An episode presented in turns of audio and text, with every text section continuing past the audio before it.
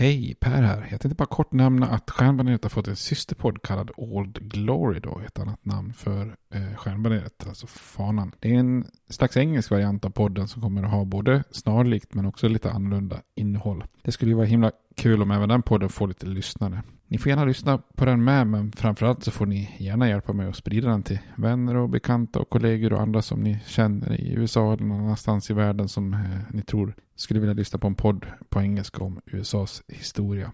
Tack, det var bara det jag ville säga. Nu kommer avsnittet. Hej då! I'm Sandra, and I'm just the professional your small business was looking for. But you didn't hire me because you didn't use LinkedIn jobs. LinkedIn has professionals you can't find anywhere else, including those who aren't actively looking for a new job but might be open to the perfect role, like me. In a given month, over 70% of LinkedIn users don't visit other leading job sites. So if you're not looking on LinkedIn, you'll miss out on great candidates like Sandra. Start hiring professionals like a professional. Post your free job on linkedin.com/people today. Many of us have those stubborn pounds that seem impossible to lose, no matter how good we eat or how hard we work out. My solution is PlushCare. PlushCare is a leading telehealth provider with doctors who are there for you day and night to partner with you in your weight loss journey. They can prescribe FDA-approved weight loss medications like Wagovi and Zepbound for those who qualify. Plus, they accept most insurance plans. To get started, visit plushcare.com slash weight loss. That's plushcare.com slash weight loss. Millions of people have lost weight with personalized plans from Noom, like Evan, who can't stand salads and still lost 50 pounds. Salads, generally, for most people, are the easy button, right? For me, that wasn't an option. I never really was a salad guy. That's just not who I am. But Noom worked for me. Get your personalized plan today at Noom.com. Real Noom user compensated to provide their story. In four weeks, the typical Noom user can expect to lose one to two pounds per week. Individual results may vary.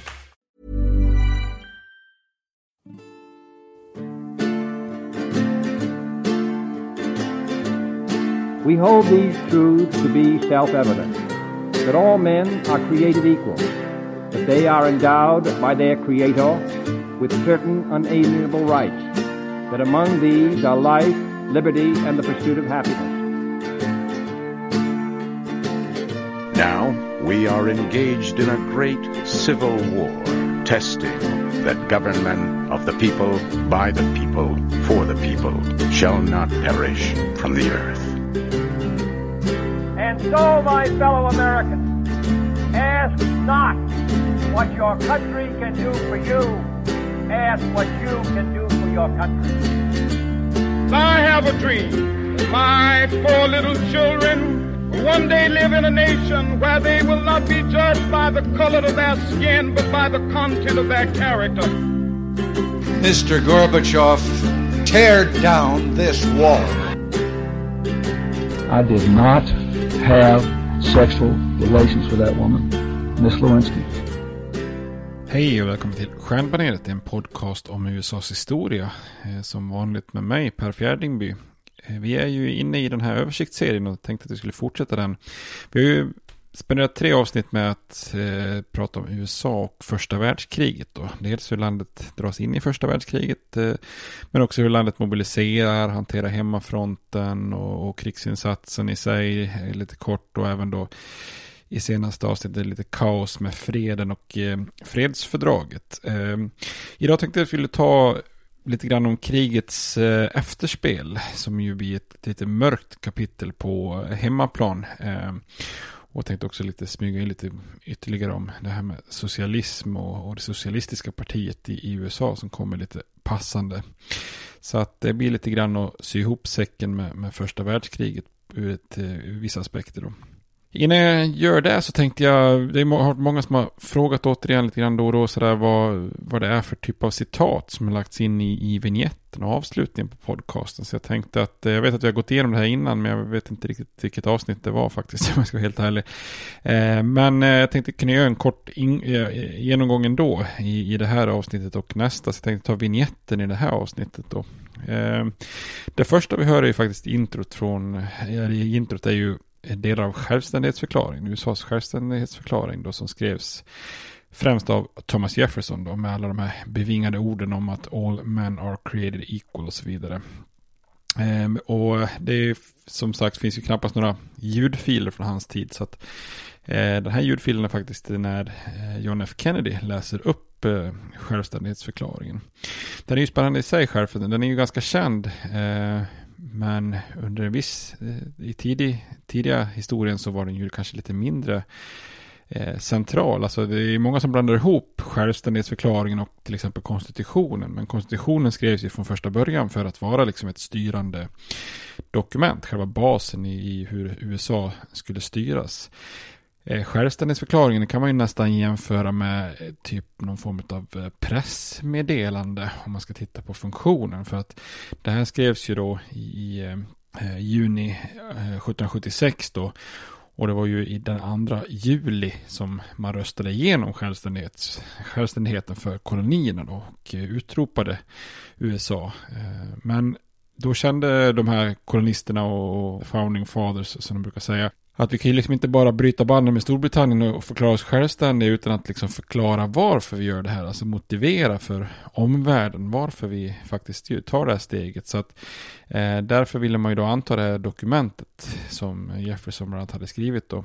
Och det antogs ju då den 4 juli och det är därför nationaldagen är den 4 juli eh, och inte den andra då. Men, eh, och det var ju egentligen alltså den större, större delen av det här dokumentet eh, upptas ju av att förklara liksom varför, varför kungen har begått en massa brott och varför man anser det nödvändigt att faktiskt kapa banden så att säga. Men det, den har ju ingen som helst från början styrande funktion på något vis. Så att säga.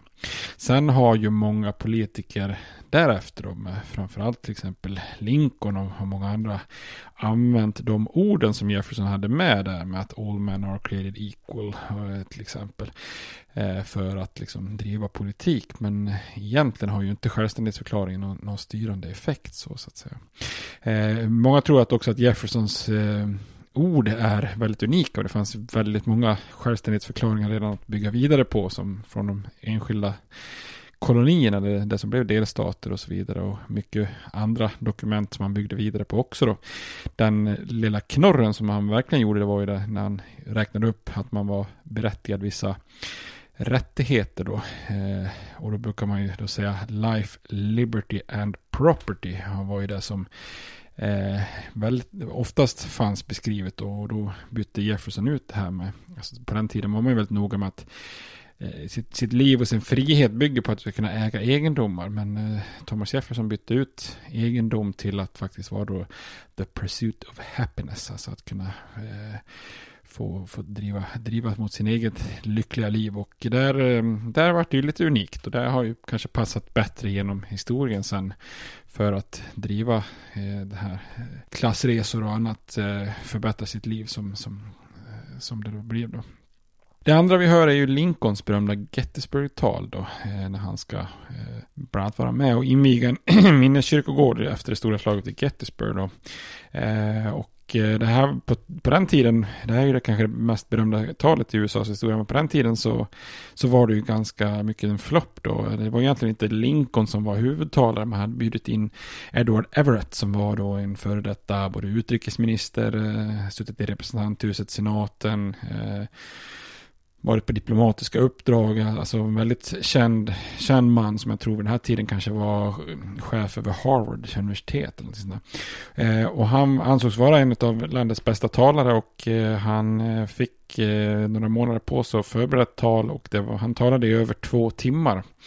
Men sen i och med att eh, Lincoln var inbjuden så tyckte någon att det var väl bra om man kunde säga några få eh, välvalda ord när han ändå var på plats. Eller man ville i alla fall erbjuda honom det då.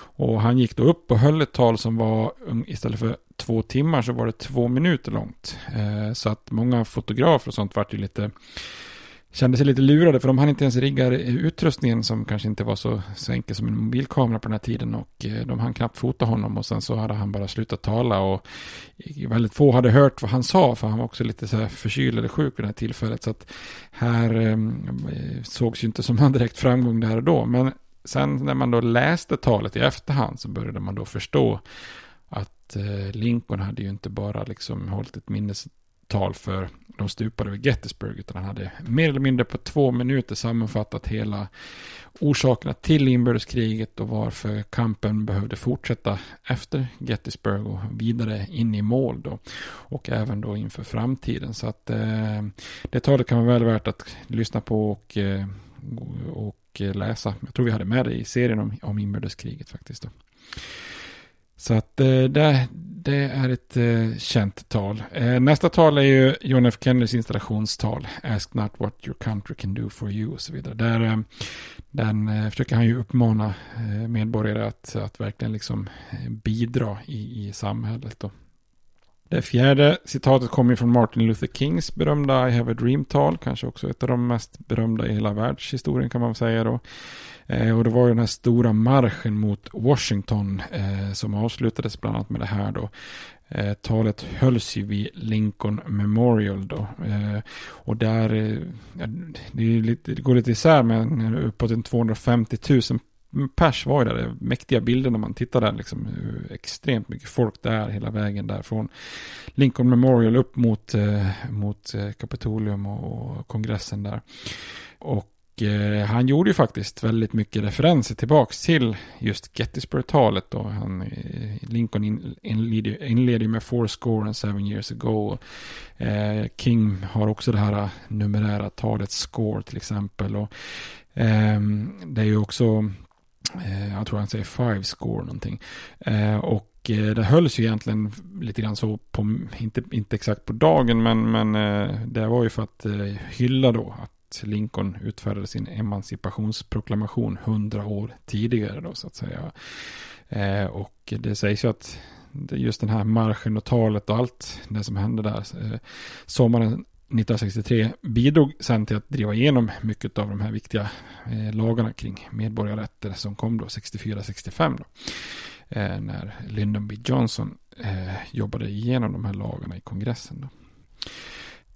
Det femte talet eh, är ju då Ronald Reagan. Han befinner sig i Västberlin eh, och pekar på Berlinmuren och uppmanar Gorbachev att riva ner muren då. Och det sista talet är ju såklart eh, William, eller Bill Clinton som eh, förnekar att han hade sexuella relationer med Monica Lewinsky. Eh, sen var det väl en definitionsfråga vad han menar med sexuell relation och så vidare. Och det här vart ju en ganska stor, stor skandal. Det finns ju många skandaler man kommer att kunna ta upp här framöver så att säga. Det, det finns mycket, mycket roligt att ta på där. Det var ju då eh, några av de talen i vignetten. Jag, jag tänkte jag går igenom eh, avslutnings, det som är med i avslutningen för varje avsnitt kan jag ta i nästa avsnitt. Innan vi går in på historien så Först lite öl då. Eh, jag sa att ni skulle försöka ta på en Altbier. Det är inte helt lätt det där. Vi har ju tidigare pratat om Kölsch, det som är en slags tysk ale som byggs i Köln då. Eh, Altbier, det är lite grann åt samma hållet kan man säga då. Det är en ölstil som huvudsakligen byggs i, runt Düsseldorf i Tyskland, men som är kanske lite mörkare och lite mer eh, smakrikt då. Och allt betyder just gammalt och syftar på att ölet som man drack innan den, liksom, innan den ljusa lagen dök upp från Bayern och Böhmen och började konkurrera. Och idag är ju en äkta Altbier från Düsseldorf, Düsseldorf eller nordvästra alltså Tyskland. Och det är ganska ovanligt utanför den regionen. Men det är vissa hantverksbryggerier som har tagit upp även den här traditionen då. Och en Altbier jäser man med en ale-jäst, alltså en överjäst som ger lite mer fruktigt. Men till skillnad från de flesta normala ale som IPOR och stout och sånt där så eh, jäser man då ganska eh, lite, lite, lite kallare och lite eh, under ganska kort tid där. Eh, eller man, man jäser den lite svalare och kallare och, och, under en längre tid. Då. Det blir lite mer en lagerlik jäsningsprocess då. Eh, sen kör man lite tyska humlesorter och, och då får man ett öl som är lite grann som en mellanting bland ale och lager i smaken. Jag kan gissa att det är en bra eh, allt blir det nästan svårt att gissa ens att det är en ale om man, om man, eh, om man blindtestar den så att säga. Lite grann av en sån där så kallad hybridöl då.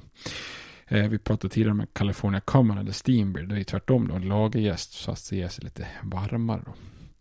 Eh, en Altbier är ju lite brunröd i färgen, maltig, rostad smak. Eh, humlen spelar inte så stor roll då. Eh, Bäska rätt måttligt. Eh, skillnaden mellan Altbier och en Kölsch är dock eh, relativt stor. För en Kölsch det påminner väldigt mycket om en ljus lager i smaken medans, och, och färgen är ljusare. Men här är lite mer mörkare, lite mer aleaktigt. Då. Eh, svårt att få tag på en äkta då, men eh, man kan få tag på till exempel Coppersmith Altbier eller eh, Rådanäs Alter Ego. Så testa, testa dem om ni får tag på. Nästa avsnitt tänkte jag vi skulle prata om Strong Ale, både brittisk och amerikansk och eh, variant av den som heter Winter Warmer. Då. Visserligen fel årstid, men det är ju ändå lite kallt för att vara juli. Eh, man kan få tag på Fullers 1845 eller Fullers All Winter Ale eller Youngs Winter Warmer, Samuel Smith Winter, eh, Welcome Ale eller något amerikanskt Stone Arrogant Bastard eller Great Divide, Hibernation Ale eller Anchor Christmas Ale. Nå någon typ av, av, av eh, mörk ale där.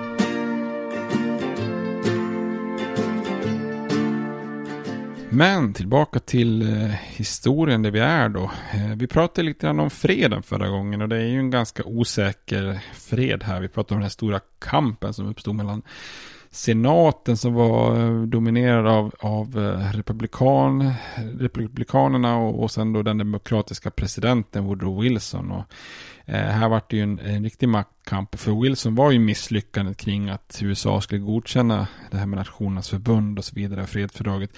Det var ju någonting som tog väldigt hårt på honom och som ni kommer ihåg så vart han ju också sjuk där. Rejält sjuk.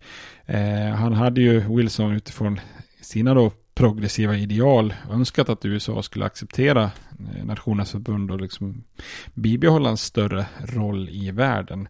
Eh, men det här motståndet mot, mot eh, fredsfördraget och Nationernas förbund det är ju inte bara liksom ett statement att USA inte ska ta en större roll i världen. Utan det var ju också så att många amerikaner verkligen ville återgå till att sköta sig själv på hemmaplan. Och det här fokus på hemmaplan som uppstår här direkt efter första världskriget är ganska lätt att förstå också. För de här åren 1919-1920 eh, är ju en väldigt nervös, osäker och eh, våldsam tid i USA. Det är väl några av de mörkaste åren som finns i, i landets historia. Då. Eh, och det är inte bara freden och världsordningen som känns osäker. Det finns en massa negativa krafter och fenomen i USA under de här åren som späder på osäkerheten. Eh, så det finns ju på många sätt ett, ett mörkt efterspel efter första världskriget som, som eh, formar USA. Och jag tänkte att vi skulle gå igenom fyra, fyra av de här aspekterna idag. Då. Eh, för det första så har vi ju efter kriget då spanska sjukan eh, som ju är en väldigt deprimerande faktor eh, efter kriget som påverkar väldigt, väldigt många. Då. Eh, det här är ju någon slags eh, epidemi då som, som dödar oerhört många. Då. Eh, någonstans har jag läst att de första fallen uppstod just i USA då, Eh, och att man sen tog med sig spanska sjukdomen i som första form till Europa när soldaterna drog dit för krigsinsatsen. Men jag måste säga att det här är jag inte helt säker på. Så jag vet inte om det är helt belagt. Så det får ni väl ta med ett halv kilo salt. Men det man definitivt vet i alla fall är ju att eh, spanska sjukan börjar spridas väldigt kraftigt i Europa. Precis i slutet av kriget och strax efter kriget. Och efter första världskriget när de amerikanska soldaterna återvände hem till USA så tar, tar ju många med sig sjukdomen. Eh, och i slutändan så kan man ju konstatera att det är ju betydligt fler amerikanska soldater som dör av spanska sjukan än, än av, av fiendekulor.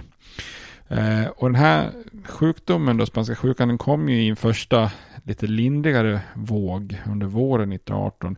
Men redan i augusti samma år så kom det ju en mer dödlig andra våg. Och lagom tills den hade mattats av så kom ju en tredje våg i början på 1919 då. Eh, och det här var ju någonting som drabbade många väldigt hårt. Och det som var till skillnad från mycket säsongsinfluenser Eh, som ju kom och gick lite då och då, så, eller då och då, men säsong, säsongsberoende. Men det, det här spanska sjukan drabbade ju eh, även åldersgruppen 20 till 40 år ganska hårt, eh, vilket ju då annars var ovanligt då. Eh, så tittar man under vintern 1918-1919 då eh, så blev runt 20 miljoner amerikaner sjuka i spanska sjukan och, över en halv miljon dog. Så att det här drog ju fram Eh, väldigt hårt. Eh, och ett antal faciliteter stängdes helt enkelt ner då, såsom uteställen, teatrar, kyrkor, eh, telefonkiosker. Ja, är ni, om ni är en ung lyssnare så kan ni ju försöka bildgoogla telefonkiosk. Man kan säga att det är ett litet hus med en telefon i som man stoppar i mynt som en liten apparat. Och, och så kan man helt plötsligt ringa ett telefonsamtal. Eh, man kan säga innan tiden av mobiltelefoner. Eh, så att det här är ju, spanska sjukan är ju liksom verkligen, jag har ju klara paralleller med, med den här skiten vi har idag då med corona och covid-19. Eh, I att eh, den, den spreds eh, väldigt aggressivt och eh, att man var tvungen att helt enkelt stänga ner delar av samhället för att försöka eh, lindra effekterna så att säga. Eh, och spanska sjukan är ju en sak då. Eh, för det andra då som gör att det här blir några mörka år är att det blir väldigt tufft ekonomiskt efter kriget. Och med eldupphör i Europa så, så kunde ju då USA börja skifta från den här krigsproduktionen som man hade ställt om till på högvarv till mer normal produktion inom industrin. Eh, kriget tar ju dock eh, slut innan Wilsons administration hunnit skapa någon sån här jättebra plan för den här övergången. Eh, och Wilson han vill bara väldigt snabbt ta bort de här priskontrollerna och annat som har införts då. Eh, men samtidigt då skulle vissa krigskontrakt fortsätta att gälla då. Så i eh, extremt snabb takt så blir efterfrågan betydligt större än utbudet på marknaden för många varor. Och resultatet blev en, en, en väldigt hög inflation när priserna sen då släpptes loss efter att ha kontrollerats under kriget. Och med, dessutom då med återvändande soldater på arbetsmarknaden så ökar ju arbetslösheten. Och 1921 så var arbetslösheten uppe i 12 procent samtidigt som hushållens kostnader ökar. Så att det här blir tufft för många ekonomiskt. Och den federala staten som utifrån amerikanska mått mätt varit eh, aktiv och styra ekonomin under kriget. Och eh, hade ju, man kan säga att de släppte greppet för att återgå till det normala alldeles för fort efter kriget. Eh, och med sämre ekonomi så ökar ju också missnöjet. Så fack och arbetarnas ledare börjar ju kämpa för att lönerna måste kunna hänga med i den här spiralen av inflation. Eh, och friade från sina löften under kriget att inte strejka så börjar man nu helt enkelt ta till det, det här medlet med strejk. Eh, så här uppstår ju då mängder med strejker återigen då. Eh, vi tittade ju liksom på slutet av 1800-talet, där var ju en tid av, av, av, många stora dramatiska och våldsamma strejker. Och här är vi liksom lite grann nästan tillbaks på samma nivå igen. Eh, och det, det är i, blir då i så stor utsträckning att 1990 2019 blir faktiskt det året i amerikansk historia som har flest strejker. Då. Så då fattar man ju liksom vilken omfattning det här. Eh, mer än 4 miljoner arbetare, ungefär 20 procent av industrins arbetskraft lämnar sina jobb. Eh, och, vi, och, totalt så är det ungefär 2665 strejker i USA under 1919. Då. Och vissa strejker är ju värre än andra då. Eh, en av de värsta är ju när Bostons poliskår får för sig att strejka då. Eh, och därmed så kunde ju då olika upprorsmakare och plundrare och brottslingar i princip börja härja fritt på stadens gator. Eh, eftersom polisen är i strejk så gör de ingenting. Eh, så till slut tvingas då Massachusetts guvernör som heter Calvin Coolidge, som ju vi kommer att prata mer om senare eftersom han blir USAs president då. Så, men Coolidge han tvingas att kalla in då eh, nationalgardet, alltså delstatens eh, militär och milis, Eh, för att återskapa ordningen i Boston. Så det är alltså ett extremt oroligt samhälle med, med väldigt mycket våld. Och eh, i det här läget så är det som vi ska se då Eh, kanske två grupper som råkar lite extra illa ut. Då. Det, det ena är afroamerikaner och den andra gruppen är socialister.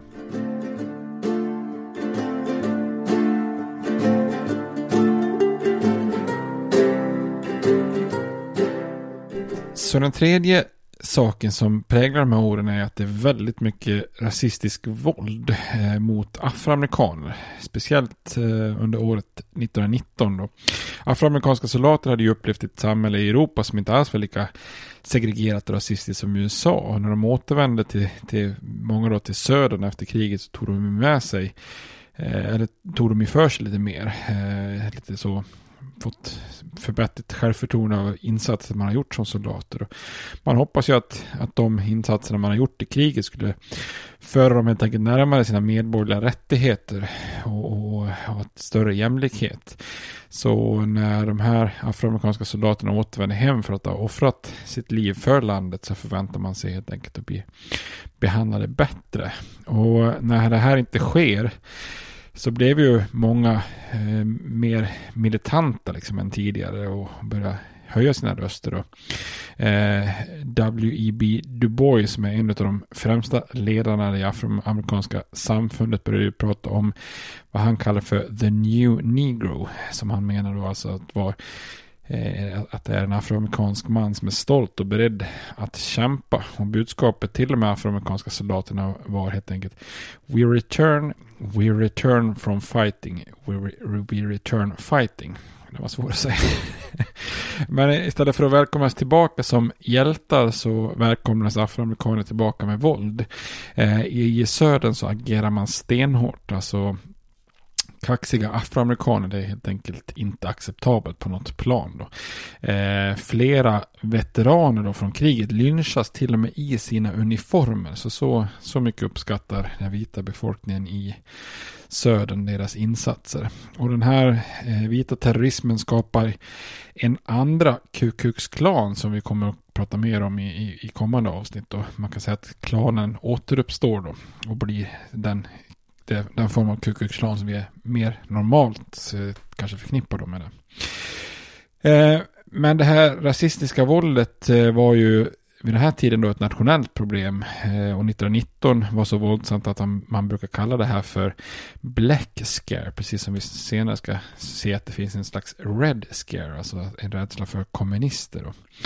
Eh, så under året 1919 så upplevde landet några av sina värsta rasupplopp någonsin. Då. Eh, och rasupplopp på den här tiden är ju nästan en slags underdrift. Alltså, det, alltså skriver man raskrig kanske hade varit ett bättre ord när de här stolta med militanta afroamerikanerna drabbas samman med, med vita rasister som vill förtrycka dem. Det första sånt här rasupploppet sker i Longview i Texas. Ehm, bara någon vecka senare utbröt upplopp i landets huvudstad Washington DC där, där vita mobbar många av dem soldater då attackerade afroamerikaner runt om i stan i, i, i tre dagar. Då. Så det är fruktansvärt. I landets huvudstad så, så är liksom våld eh, accepterat i tre dagar. Det värsta upploppet 1919 bröt ut i Chicago där det liksom blir ett mindre krig mellan vita och svarta mobbar som håller i sig då i nästan hela två veckor med mängder av mord och förstörelse. Och trots att nationalgardet i Illinois försökte stoppa våldet så tog det 13 dagar innan ordningen var återställd. Och när våldet sedan upphörde så hade 38 personer dött och 15 vita och 23 svarta. Och runt eh, 1000 afroamerikanska familjer hade fått sina bostäder uppbrända. Eh, I Omaha i Nebraska så, så var det ju en vit mobb som var nära att hänga borgmästaren som då lite modigt försökte hindra dem från att döda en svart fånge som var anklagad för våldtäkt. Det här pratade vi om i något tidigare avsnitt att våld, våldtäkt var ju liksom det, det stora tabut. Det, det, det brott som man ofta stod till och anklagade eh, svarta män för i södern. Och, eh, och polisen lyckas med, med nöd och näppe rädda den här eh, modiga borgmästaren från att, från att lynchas även han då. Men det polisen inte hinner rädda är ju den här fången då, eller den här anklagade mannen som ju blir lynchad då. Eh, svarta män är inte inte värda en rättegång som, som många mobbar ser det då. Eh, och förutom de här platserna som jag nämnde nu så är det upplopp och rasupplopp på, eh, äger rum på ungefär 25 olika platser eh, under året då, 1919 med hundratals döda och ännu fler skadade och egendomar förstört för flera miljoner. Då. Och när upploppen väl bryter ut så är ju också då tyvärr polisen sällan opartiskt utan ställer sig nästan alltid på, på de vita sida då. Eh, och det här är ju liksom, ja, vad ska man säga, det här är ju old news, det är ju, vi är tillbaks i mångt och mycket på samma ruta ett i, idag än. Eh, idag fortfarande när den här frågan har kommit i fokus igen till exempel med, med, med Black Lives Matter och så vidare.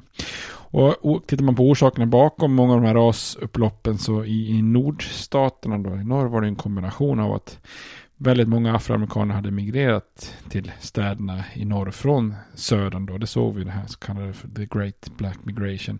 Men när det, den här ekonomiska nedgången kommer då 1919 samtidigt som många soldater återvände hem så triggar ju det då det rasistens uppfattning om att afroamerikanerna eh, hade kommit för att ta deras jobb helt enkelt.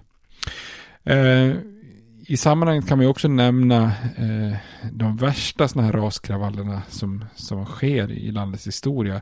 Kommer visserligen först två, eh, två år senare men ändå värt att nämna och det är ju då i staden Tulsa i Oklahoma. Då. Eh, ett par eh, år efter då, 1919. Men det är väl värt att nämna eftersom det äger rum så nära i tiderna. Och de här raskravallerna i Tulsa är ju enormt stora. Det är de kanske dödaste i, i landets historia. Även om det är lite oklart. Det var ju väldigt mycket som hände där i den här rekonstruktionseran. Där man kanske inte har alla fakta på bordet och har exakt koll. Då. Men det här rasupploppet i Tulsa äger rum då Eh, den 31 maj och 1 juni 1921. Eh, och då är det alltså en, vit mobb som attackerar svarta då, afroamerikaner i staden i, i Tulsas Greenwood distrikt. Där väldigt många av afroamerikanerna bodde då.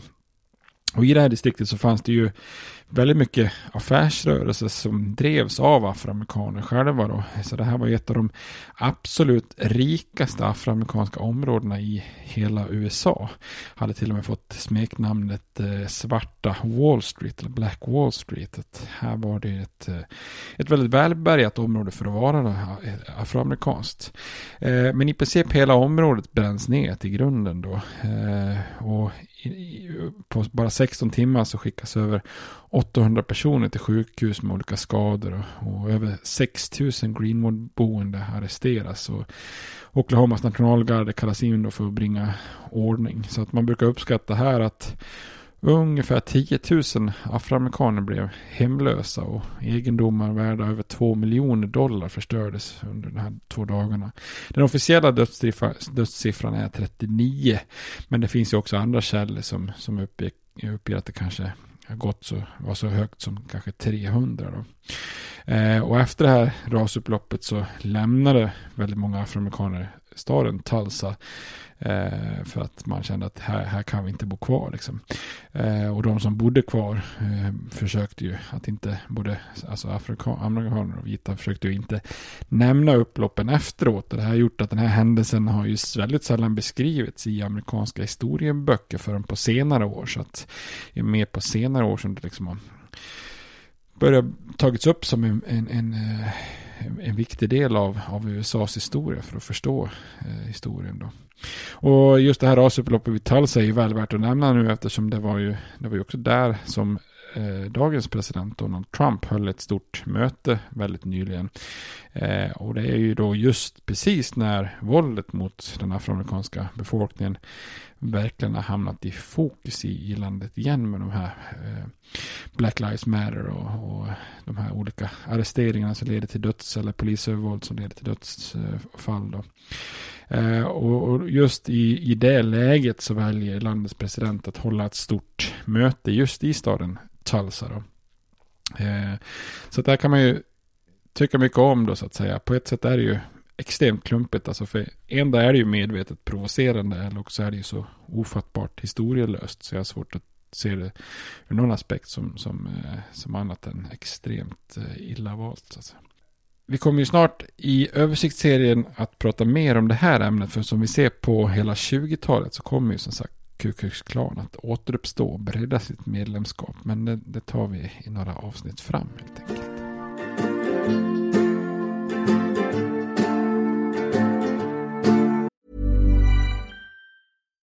If you're looking for plump lips that last, you need to know about Juvederm lip fillers. With Juvederm Volbella XC and Juvederm Ultra XC, your lip look, whether it's subtle or bold, can last up to one full year with optimal treatment and no additional maintenance. Find a licensed specialist and see if it's right for you at juvederm.com today. That's J U V E D E R M.com. Add fullness to lips in adults over 21 with Juvederm Volbella XC or Juvederm Ultra XC. Do not use if you have severe allergies or a history of severe allergic reactions, or if you're allergic to lidocaine or the proteins used in Juvederm. Tell your doctor if you have a history of scarring or taking medicines that decrease the body's immune response or that can prolong bleeding. Common side effects include injection site redness, swelling, pain, tenderness, firmness, lumps, bumps, bruising, discoloration, or itching. As with all fillers, there's a rare risk of unintentional injection into a blood vessel, which can cause vision abnormalities,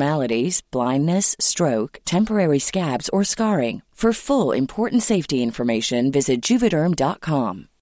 Millions of people have lost weight with personalized plans from Noom, like Evan, who can't stand salads and still lost 50 pounds. Salads, generally, for most people, are the easy button, right? For me, that wasn't an option. I never really was a salad guy. That's just not who I am. But Noom worked for me. Get your personalized plan today at Noom.com. Real Noom user compensated to provide their story. In four weeks, the typical Noom user can expect to lose one to two pounds per week. Individual results may vary.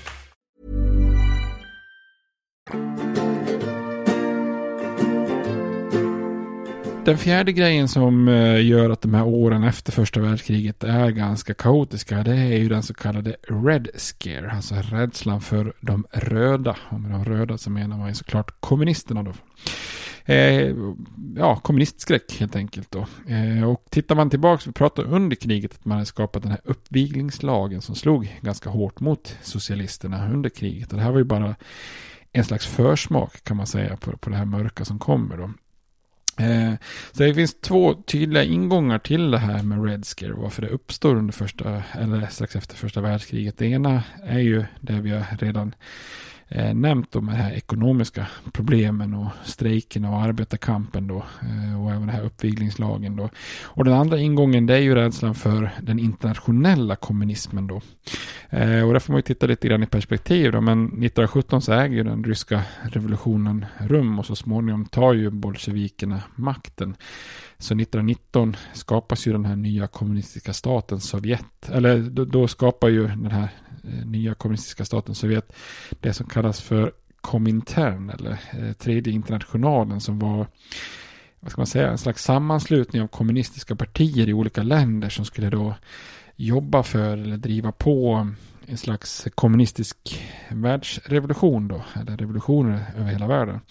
Eh, och samma år så sker ju då eh, eh misslyckade kommunistiska uppror faktiskt i flera länder. Och, Eh, och samma år så skapas det dessutom två kommunistiska partier i USA. Och det här hotet från kommunismen skapar en enorm oro i USA. Eh, många reflekterar ju över hur en relativt liten grupp ändå kunde ta kontrollen över det stora Ryssland när, när kaoset uppstod där. Och nu ser man då att det har uppstått jäkligt mycket kaos på, på en bred front i USA. Eh, och då blandas det här ihop så att man, det blir oftast väldigt kopplat med kommunism. Och sen när till exempel en storstrejk i, uppstår i Seattle 1919 då som en del av alla de här strejkerna. Då fördömer ju stadens borgmästare det hela som ett försök to duplicate the anarchy of Russia då. Och de här strejkande polismännen som vi nämnde tidigare här. Eh, de beskrevs till exempel i tidningar som Lenins agenter. Så att det är ofta sätter man då en kommuniststämpel på olika arbetare som, som strejkar. Och det är ju också det som gör då att det blir eh, ett, ett hot som känns reellt är ju att det också finns vissa radikala grupper som tar till våld. Eh, den första maj 1919 så försöker en, en grupp skicka 36 stycken hemmagjorda bomber till utvalda män och politiker och affärsmän. Och bland de tänkta offren fanns ju till exempel då eh, John Rockefeller, alltså en av de ledande av de här eh, industrimagnaterna, men också postmästargeneralen Albert Burleson och så vidare. Eh, Reds Plan Murder lyder ju då rubrikerna i de flesta tidningarna. I samma samma år då, 1919, så exploderade också bomber i åtta amerikanska städer. Eh, alla bomberna briserade under samma timme, varav en bomb skadade justitieministern Alexander Mitchell Palmers hem. Eh, så att här är ju uppenbarligen så att det finns ju våldsamma krafter då. Eh, men även om de här liksom radikala kommunisterna var extremt få, de som involverade sig i våldsamheter var ju en ytterst liten grupp av extremt radikala, så skapar det här ändå en enorm oro på gränsen till liksom hysterisk rädsla för kommunism som sådan. Då. Eh, många går då till, angrepp, till motangrepp mot allt som uppfattas som opatriotiskt då, och eh, eh, allt som, fatt, som uppfattas som någon form av socialism. Då. Det, det, finns till exempel en arg sjöman som skjuter en man som vägrar stå upp när nationalsången spelades. Eh, och då väljer folk runt om att klappa händerna istället för att eh, då se det som ett, som ett mord. Så att här finns mycket, mycket konstigt som händer kring det här. Den som framförallt eller framför alla andra kliver fram och försöker att rädda då USA från en kommunistisk revolution. Det är just justitieministern Alexander Mitchell Palmer.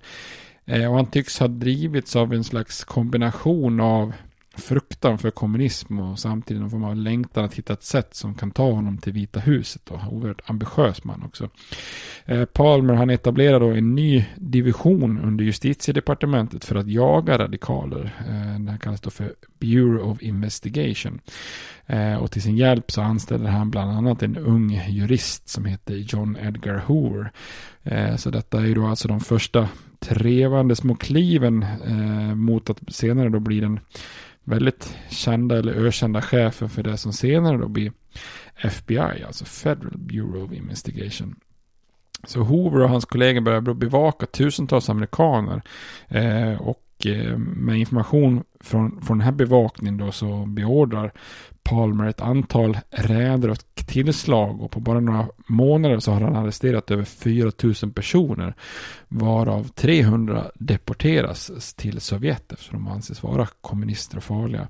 Eh, och de arresterades eh, legala rättigheter tummar man ganska friskt på. Eh, de fick till exempel inte ha några som helst kontakter med familjer eller advokater.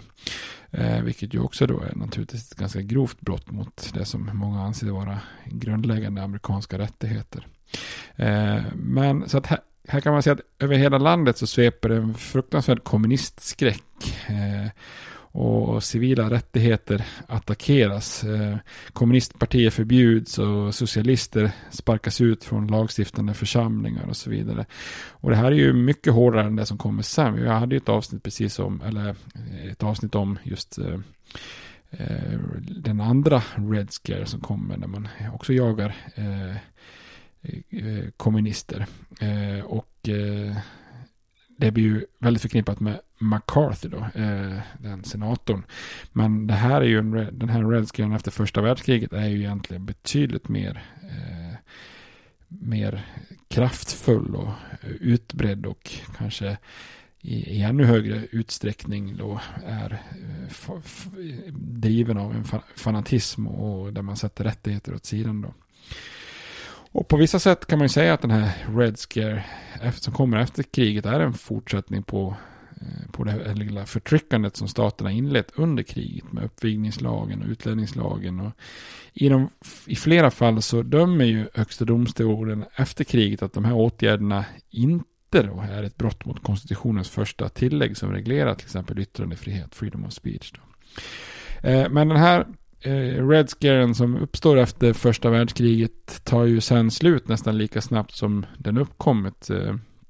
I april 1920 så förutsåg och varnade Palmer för en rad radikala åtgärder som uppror och brevbomber inför den första maj det året. Eh, precis som då hade skett året innan 1919 så han förordnade lite krafttag och mobilisering. Men sen helt plötsligt då när, när den här första maj inkommer 1920 och och det inte uppstår så mycket våldsamt överhu överhuvudtaget så, så tappar Palmer mycket av sin trovärdighet. Och tidningarna börjar snarare skämta om honom på hans bekostnad. Så redan sommaren 1920 så har den här rädslan för kommunismen och Sovjet börjat avta lite. Alltså den här helt hysteriska rädslan. Sen kommer ju alltid amerikaner att vara rädda för kommunism och Sovjet så att säga. Men, men här har den värsta rädslan avtagit, eller hysterin. Eh, men en annan faktor är ju också att ekonomin börjar återhämta sig ganska snabbt och arbetarprotesterna var färre då. Kommunisterna är splittrade och bråkar internt och man märker i USA att bolsjevikerna i Sovjet hade ju inte riktigt lyckats sprida den här internationella kommunistiska upproret i Europa på det sättet som man hade fruktat då. Men den här relativt korta men intensiva tidsperioden eh, med Red Scare är ändå någonting som sätter, sätter ett slags mörkt rekord och lämnar ett väldigt bäst arv efter sig. Då. Så man kan säga att de här åren 1919-1920 på många sätt de, de värsta i landets historia sett till hur, hur bryskt oliktänkande behandlas i fredstid. Eh, den byråkratiska eh, maskinen för framtida försök att jaga oliktänkande och tvinga fram lojalitet har ju också liksom skapats. Så att det här är ju åren, de här åren är ju formar ju USA på många sätt ur ett, ur ett negativt och, och mörkt perspektiv kan man säga.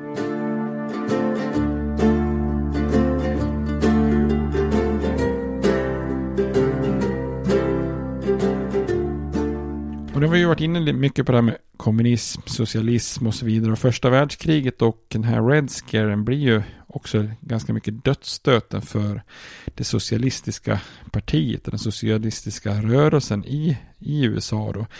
Eh, vi har ju sett här att de här åren, den progressiva eran har ju varit en tid där många Eh, ville reformera samhället och reglera marknaden och, och det fanns naturligtvis i, i, ett sådant läge utrymme för socialistiska tankar då. Men som vi redan varit inne på så blev ju socialister och det socialistiska partiet i USA i mångt och mycket sett som den lite mer vänsterextrema delen av hela den här progressiva rörelsen. Eh, så medan socialister förespråkar åtgärder som offentligt Eh, offentligt ägda branscher som järnväg, gas och liknande så hade kanske de flesta progressiva fortfarande en tro på att kapitalism och marknad är det som ska gälla men det gäller att vi helt enkelt reglerar de här marknaden inom ramen för att komma åt brister och ineffektivitet och så vidare. Då. Eh, och så för förespråkare av reformer så är det ju därför liksom den progressiva rörelsen välkommen som en möjlig väg framåt utan att behöva bli socialist. Så progressiva reformer sågs, sågs mer liksom mainstream, mer rimliga medan socialistiska reformer sågs som lite mer extrema och, och radikala. Då.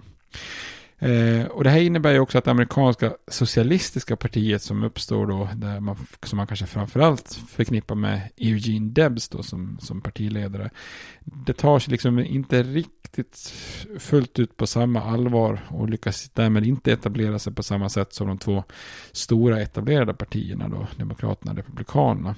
Men med det sagt så kan man ändå se att det fanns en stark period här i början av 1900-talet för just det socialistiska partiet. Eh, I presidentvalet 1912 så fick ju då Eugene Debs nästan en miljon röster. Då. Eh, men precis som den progressiva, progressiva rörelsen i sig då, att, att, att det var väldigt stor skillnad mellan det här med problem och lösning så är det ju så att alltså inom progressiva rörelsen så, så, dividerar man ju en del. Man ser samma problem men olika lösningar. Och det är lite grann också med socialisterna. Många socialister hade ju en gemensam bild av vilka strukturer i det amerikanska samhället som var destruktiva och kanske behövdes åtgärdas. Men man var inte alls överens om hur. Eh, så vissa socialister förespråkar ju mer radikala eh, marxistiska åtgärder som att helt avskaffa kapitalism och privata egendomar medan Andra ville ju kanske inte alls gå så långt utan tyckte att det räckte med att då, vi kan ju förstatliga stora viktiga branscher men låta små företag och privata egendomar existera då. Eh, vissa ville använda mer militanta och revolutionära vägar, andra reformer via mer normal politisk makt så att säga. Så man kom inte riktigt överens om det här då. Eh, och det amerikanska socialistiska partiet dominerades ju av de här mer moderata socialisterna som förespråkade icke-revolutionära reformer genom politisk kamp. Eh, och arbetarna och folket skulle ju då enligt dem utbildas successivt och samhället struktureras om. Men alla socialister var ju inte så tålmodiga och fredliga och, fredliga. Och en av de mer radikala grupperna var ju den här gruppen Industrial Workers of the World. Eh, IWW som har motståndare då kallas för Wobblies. Eh, och de, de här Wobblies de ville att alla industriarbetarna skulle samlas i en kamp och, och drog sig då inte för terroristiska handlingar som att spränga järnvägslinjer och annat. Då. Eh, men de flesta amerikanska socialisterna förespråkar ju förändring via röstsedeln och reform, inte våld och revolution. Och under 1900-talets första år, så fram till valet 1912, då så ökar ju socialistpartiets stöd. Och man ser ju här en trend där partiet hade kunnat bli en maktfaktor då. Eh, han får ju, Eugene Debs får ju, eh, vad heter det, i presidentvalen 1904 och 1908 fick han ju runt 400 000 röster. Ligger han ungefär på, på 3 procent av rösterna. Och framgång föder ju framgång och socialisterna är ju tydligt på frammark då. Eh, 1910 så väljer Milwaukee både en socialistisk borgmästare men också en kongressledamot skickar man då till kongressen från Wisconsin. Eh, två år senare i presidentvalet 1912 då så kommer rekordet när Debs får över 900 000 röster och börjar närma sig en miljon. Eh, eller 6 procent av det totala antalet röstande i, i det årets val då. Och man vinner samtidigt i 33 olika borgmästarval. Så här kan man ju se då att eh, socialistpartiet är på stark frammarsch och eh, många funderar på om man ska kunna ut, eh, eller utmana demokrater eller republikaner på, på liksom om att vara ett etablerat parti. Då. Men efter första världskriget så, så gick det väldigt snabbt utför för socialisterna då. Eh, dels själva kriget i sig. Många socialister, inklusive Debs, vägrade ju att stödja deltagandet i första världskriget. Vilket ju gjorde att man tappade stöd hos många som menar att nu måste man sluta upp för, för demokratin och, och landet. Och det uppstår också interna stridigheter kring landets deltagande i första världskriget och, och det blir en, en avknoppning till ett nytt kommunistiskt parti som också blir ett stort avbräck. Och, och sen kommer ju då efter kriget så kommer hela den här Red Scare då där man Eh, den här kriget skapar en våg av av kritik mot egentligen alla radikala grupper och alla typer av socialister som blir mer eller mindre förföljda och, och trakasserade. Och det är klart, då är det många som väljer, väljer bort. Man orkar liksom inte med de här eh, trakasserandet. Eh, Debs väljer ju att ställa upp i presidentvalet 1920 men som vi pratade om redan i något avsnitt för han sitter ju då i fängelse. Han blev ju arresterad mot, eh, för att ha brutit mot den här uppvigningslagen då.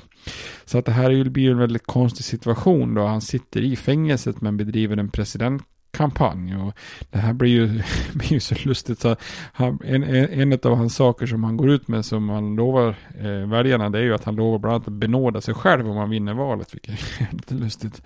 Om presidenten, jag vet inte riktigt hur han skulle rent tekniskt sväras in men det antar jag att det hade gått också då. Eh, så att han får ju återigen runt 900 tusen röster i valet 1920. Men i takt med att befolkningen ökar så innebär det här att nu har de här 900 000 rösterna bara motsvarat ungefär 3,5 procent av eh, väljarna. Så att eh, här, ser man ju liksom då ett, ett nedgång då. Eh, och så man kan säga att första världskriget blir väldigt mycket dödsstöten på det här socialistiska partiet som inte återhämtar sig till de här nivåerna de har fått tidigare. Och sen blir det bara lite grann ett marginellt tredje parti.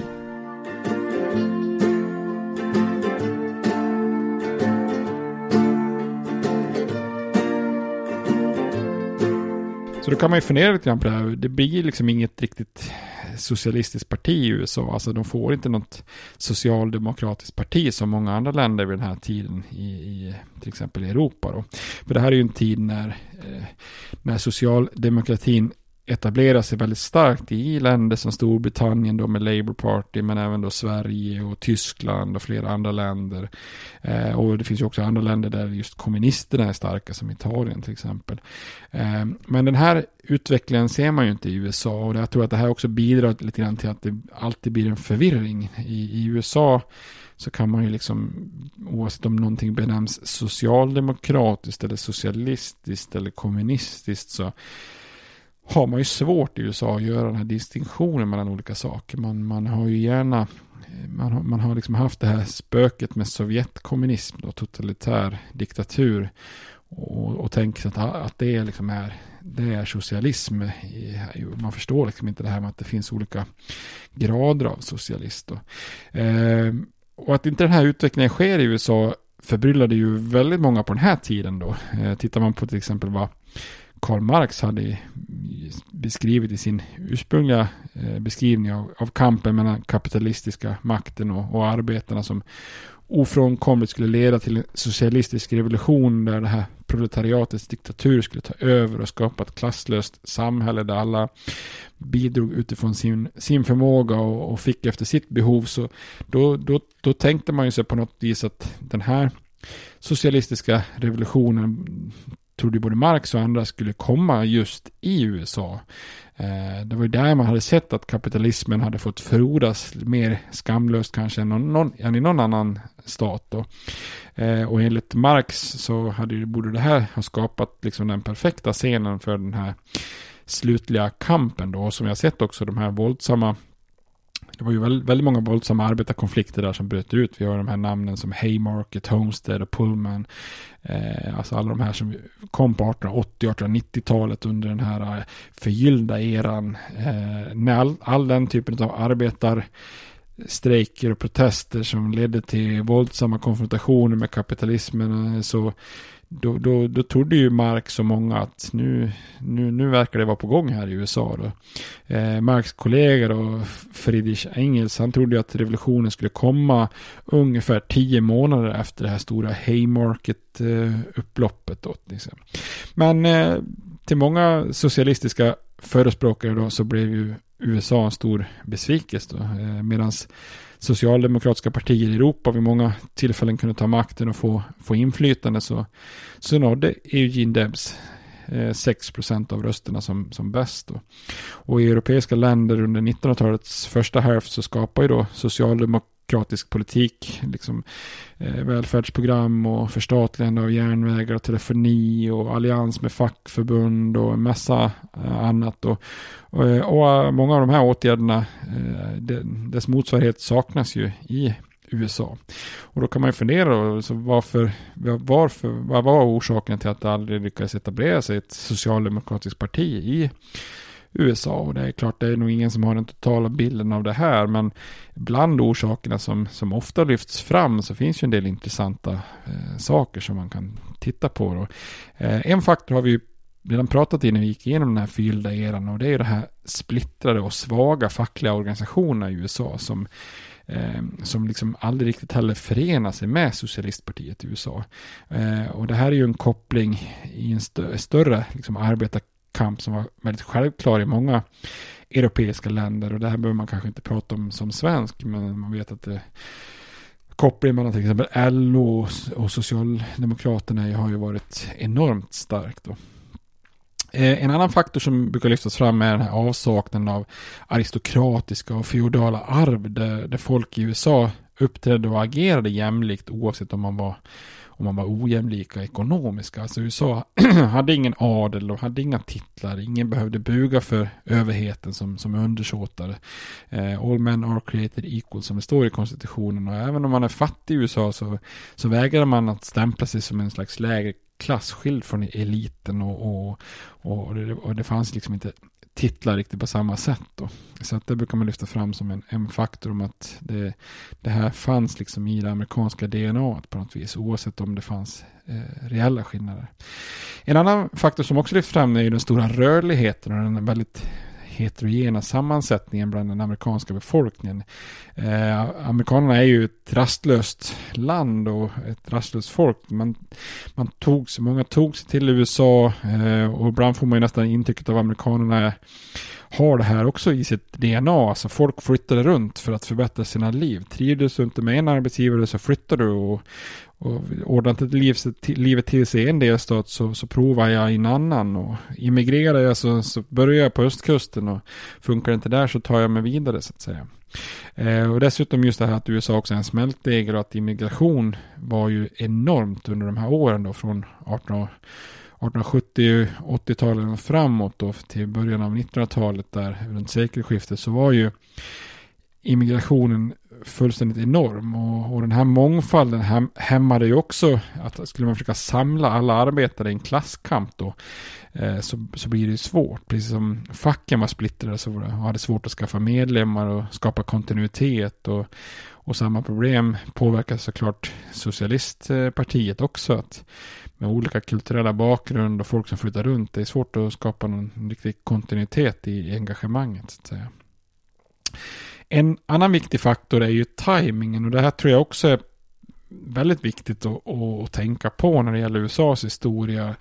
Eh, som det är lätt att glömma bort då. Men tittar man på liksom den här socialdemokratin som uppstår i, i många länder i, i Europa så så sammanföljer också kampen för ekonomiska rättigheter eh, under industrialiseringen eh, också med kampen om politiska rättigheter. Eh, tänker man på liksom tidig socialdemokrati i Sverige så tänker man kanske lika mycket på rösträttskampen som man gör på välfärd och förstatligande och om inte mer kanske. Eh, det är ju först under åren direkt efter första världskriget som allmän och lika rösträtt införs i Sverige. Då.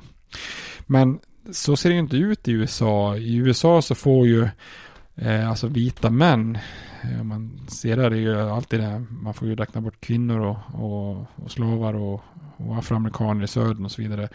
Eh, men, men tittar man på liksom det som då ansågs vara allmän rösträtt så i USA så får ju vita män mer eller mindre både allmän och lika rösträtt redan på 1820 och 30 30-talet. Och så på 1840-talet så deltar ju de flesta män politiskt på något sätt. På något sätt. Alltså, eh, man har flesta röster i val och man, är, man har ett enormt valdeltagande och så vidare. Så när USA går in i den här industriella revolutionen så har ju amerikanska män redan politiska rättigheter. Så i USA sammanfaller inte den här kampen mellan politiska och ekonomiska rättigheter. Så med politiska rättigheter redan säkrade eh, och ett alternativ till socialismen i, form av den här progressiva rörelsen så är det ju många som väljer den senare. Eh, den stora massan av arbetare har ur den aspekten snarare saker att förlora än att vinna på någon form av marxistisk revolution. Då. Så att eh, här, här är ju en stor skillnad. Man får tänka på det att eh, här, här, här sammanfaller inte den ekonomiska eh, kampen och den politiska kampen alls på samma sätt. Då. Och en sista orsak som man kan nämna som är utmaningen för liksom ett, ett, ett, socialistiskt parti är ju det här utmaningen som alla tredje partier i USA har, att skaffa sig reellt inflytande. Och det här beror ju väldigt mycket på den här principen om vinnaren tar allt ehm, där, där partiet eller den kandidaten som vinner i, i ett val i, i, så tilldelas alla mandat för den valkretsen. Alltså de har ju inte proportionella val. Eh, så i ett presidentval måste ju en kandidat vinna i rätt antal delstater eftersom delstaterna är valkretsen och, och vinnaren tar alla mandat, i det här fallet med elektorsröster. Det här förklarade jag ganska noggrant i ett avsnitt tidigare så där får ni lyssna om det som handlar om presidentval. Det har alltså ingenting med att det är ett indirekt val med elektorer att göra utan det har med principen vinnaren tar allt. Då. Så ett, ett tredje parti som ligger på kanske då, säg imponerande 10-20% av rösterna men är väldigt jämnt fördelat över hela landet kommer ju sannolikt inte att vinna några som helst elektorsröster eller, eller valkretsar eftersom eh, någon annan kandidat för de etablerade partierna kommer att ta hem vinsten i, i den delstaten eller det distriktet. Eh, och då tittar man då tillbaka på socialistpartiets framgångar så, så såg vi då att det, det, man låg som bäst någonstans där 3-6 procent av rösterna. Och det är också då fördelat ganska jämnt över landet och kanske inte jättemycket i södern vid den här tiden men ändå fördelat rätt så mycket på olika eh, delstater. Då. Och det blir ju i ett sådant system ganska svårt att bygga upp ett parti, ett starkt parti som tar för sig successivt och skaffar sig inflytande successivt. Det är ju mycket, mycket, mycket enklare i ett parlament, parlamentariskt system där det kanske finns spärrar på som vi har i Sverige på 4% för att komma in i riksdagen. Då kan ju liksom då eh, man som är redan ett ganska litet parti få stöd eh, och, och, formellt komma in då. Kanske till exempel också ingå som kandidat i en koalitionsregering. Det är ju liksom något, ett begrepp som liksom inte finns i USA, koalitionsregering, utan det ena partiet har ju liksom så att säga makten i, i i den verkställande makten, Vita huset, presidentmakten så att säga. Så att eh, när Europa då får se en slags framväxt av socialdemokratiska partier under slutet av 1800-talet och början av 1900-talet så har ju då helt enkelt USA snarare sin progressiva rörelse Då. Eh, så att, och den har vi ju pratat mycket om i, i avsnitt. Men eh, nu har vi tittat på den här mörka slutpunkten av, av första världskriget. Men som vi ska se i nästa avsnitt så blir ju också första världskriget och just året 1920 Eh, blir faktiskt kulmen och slutpunkten också för den här progressiva rörelsen som ska kolla på kvinnlig rösträtt och eh, förbudet mot alkohol som sätter starten på, på en speciell era i, i USA på 20-talet. Så att eh, vi ska kolla på kulmen och slutet på den progressiva rörelsen i nästa avsnitt. Tills dess får ni ha det bra. Hej hej! States like these and their terrorist allies constitute an axis of evil.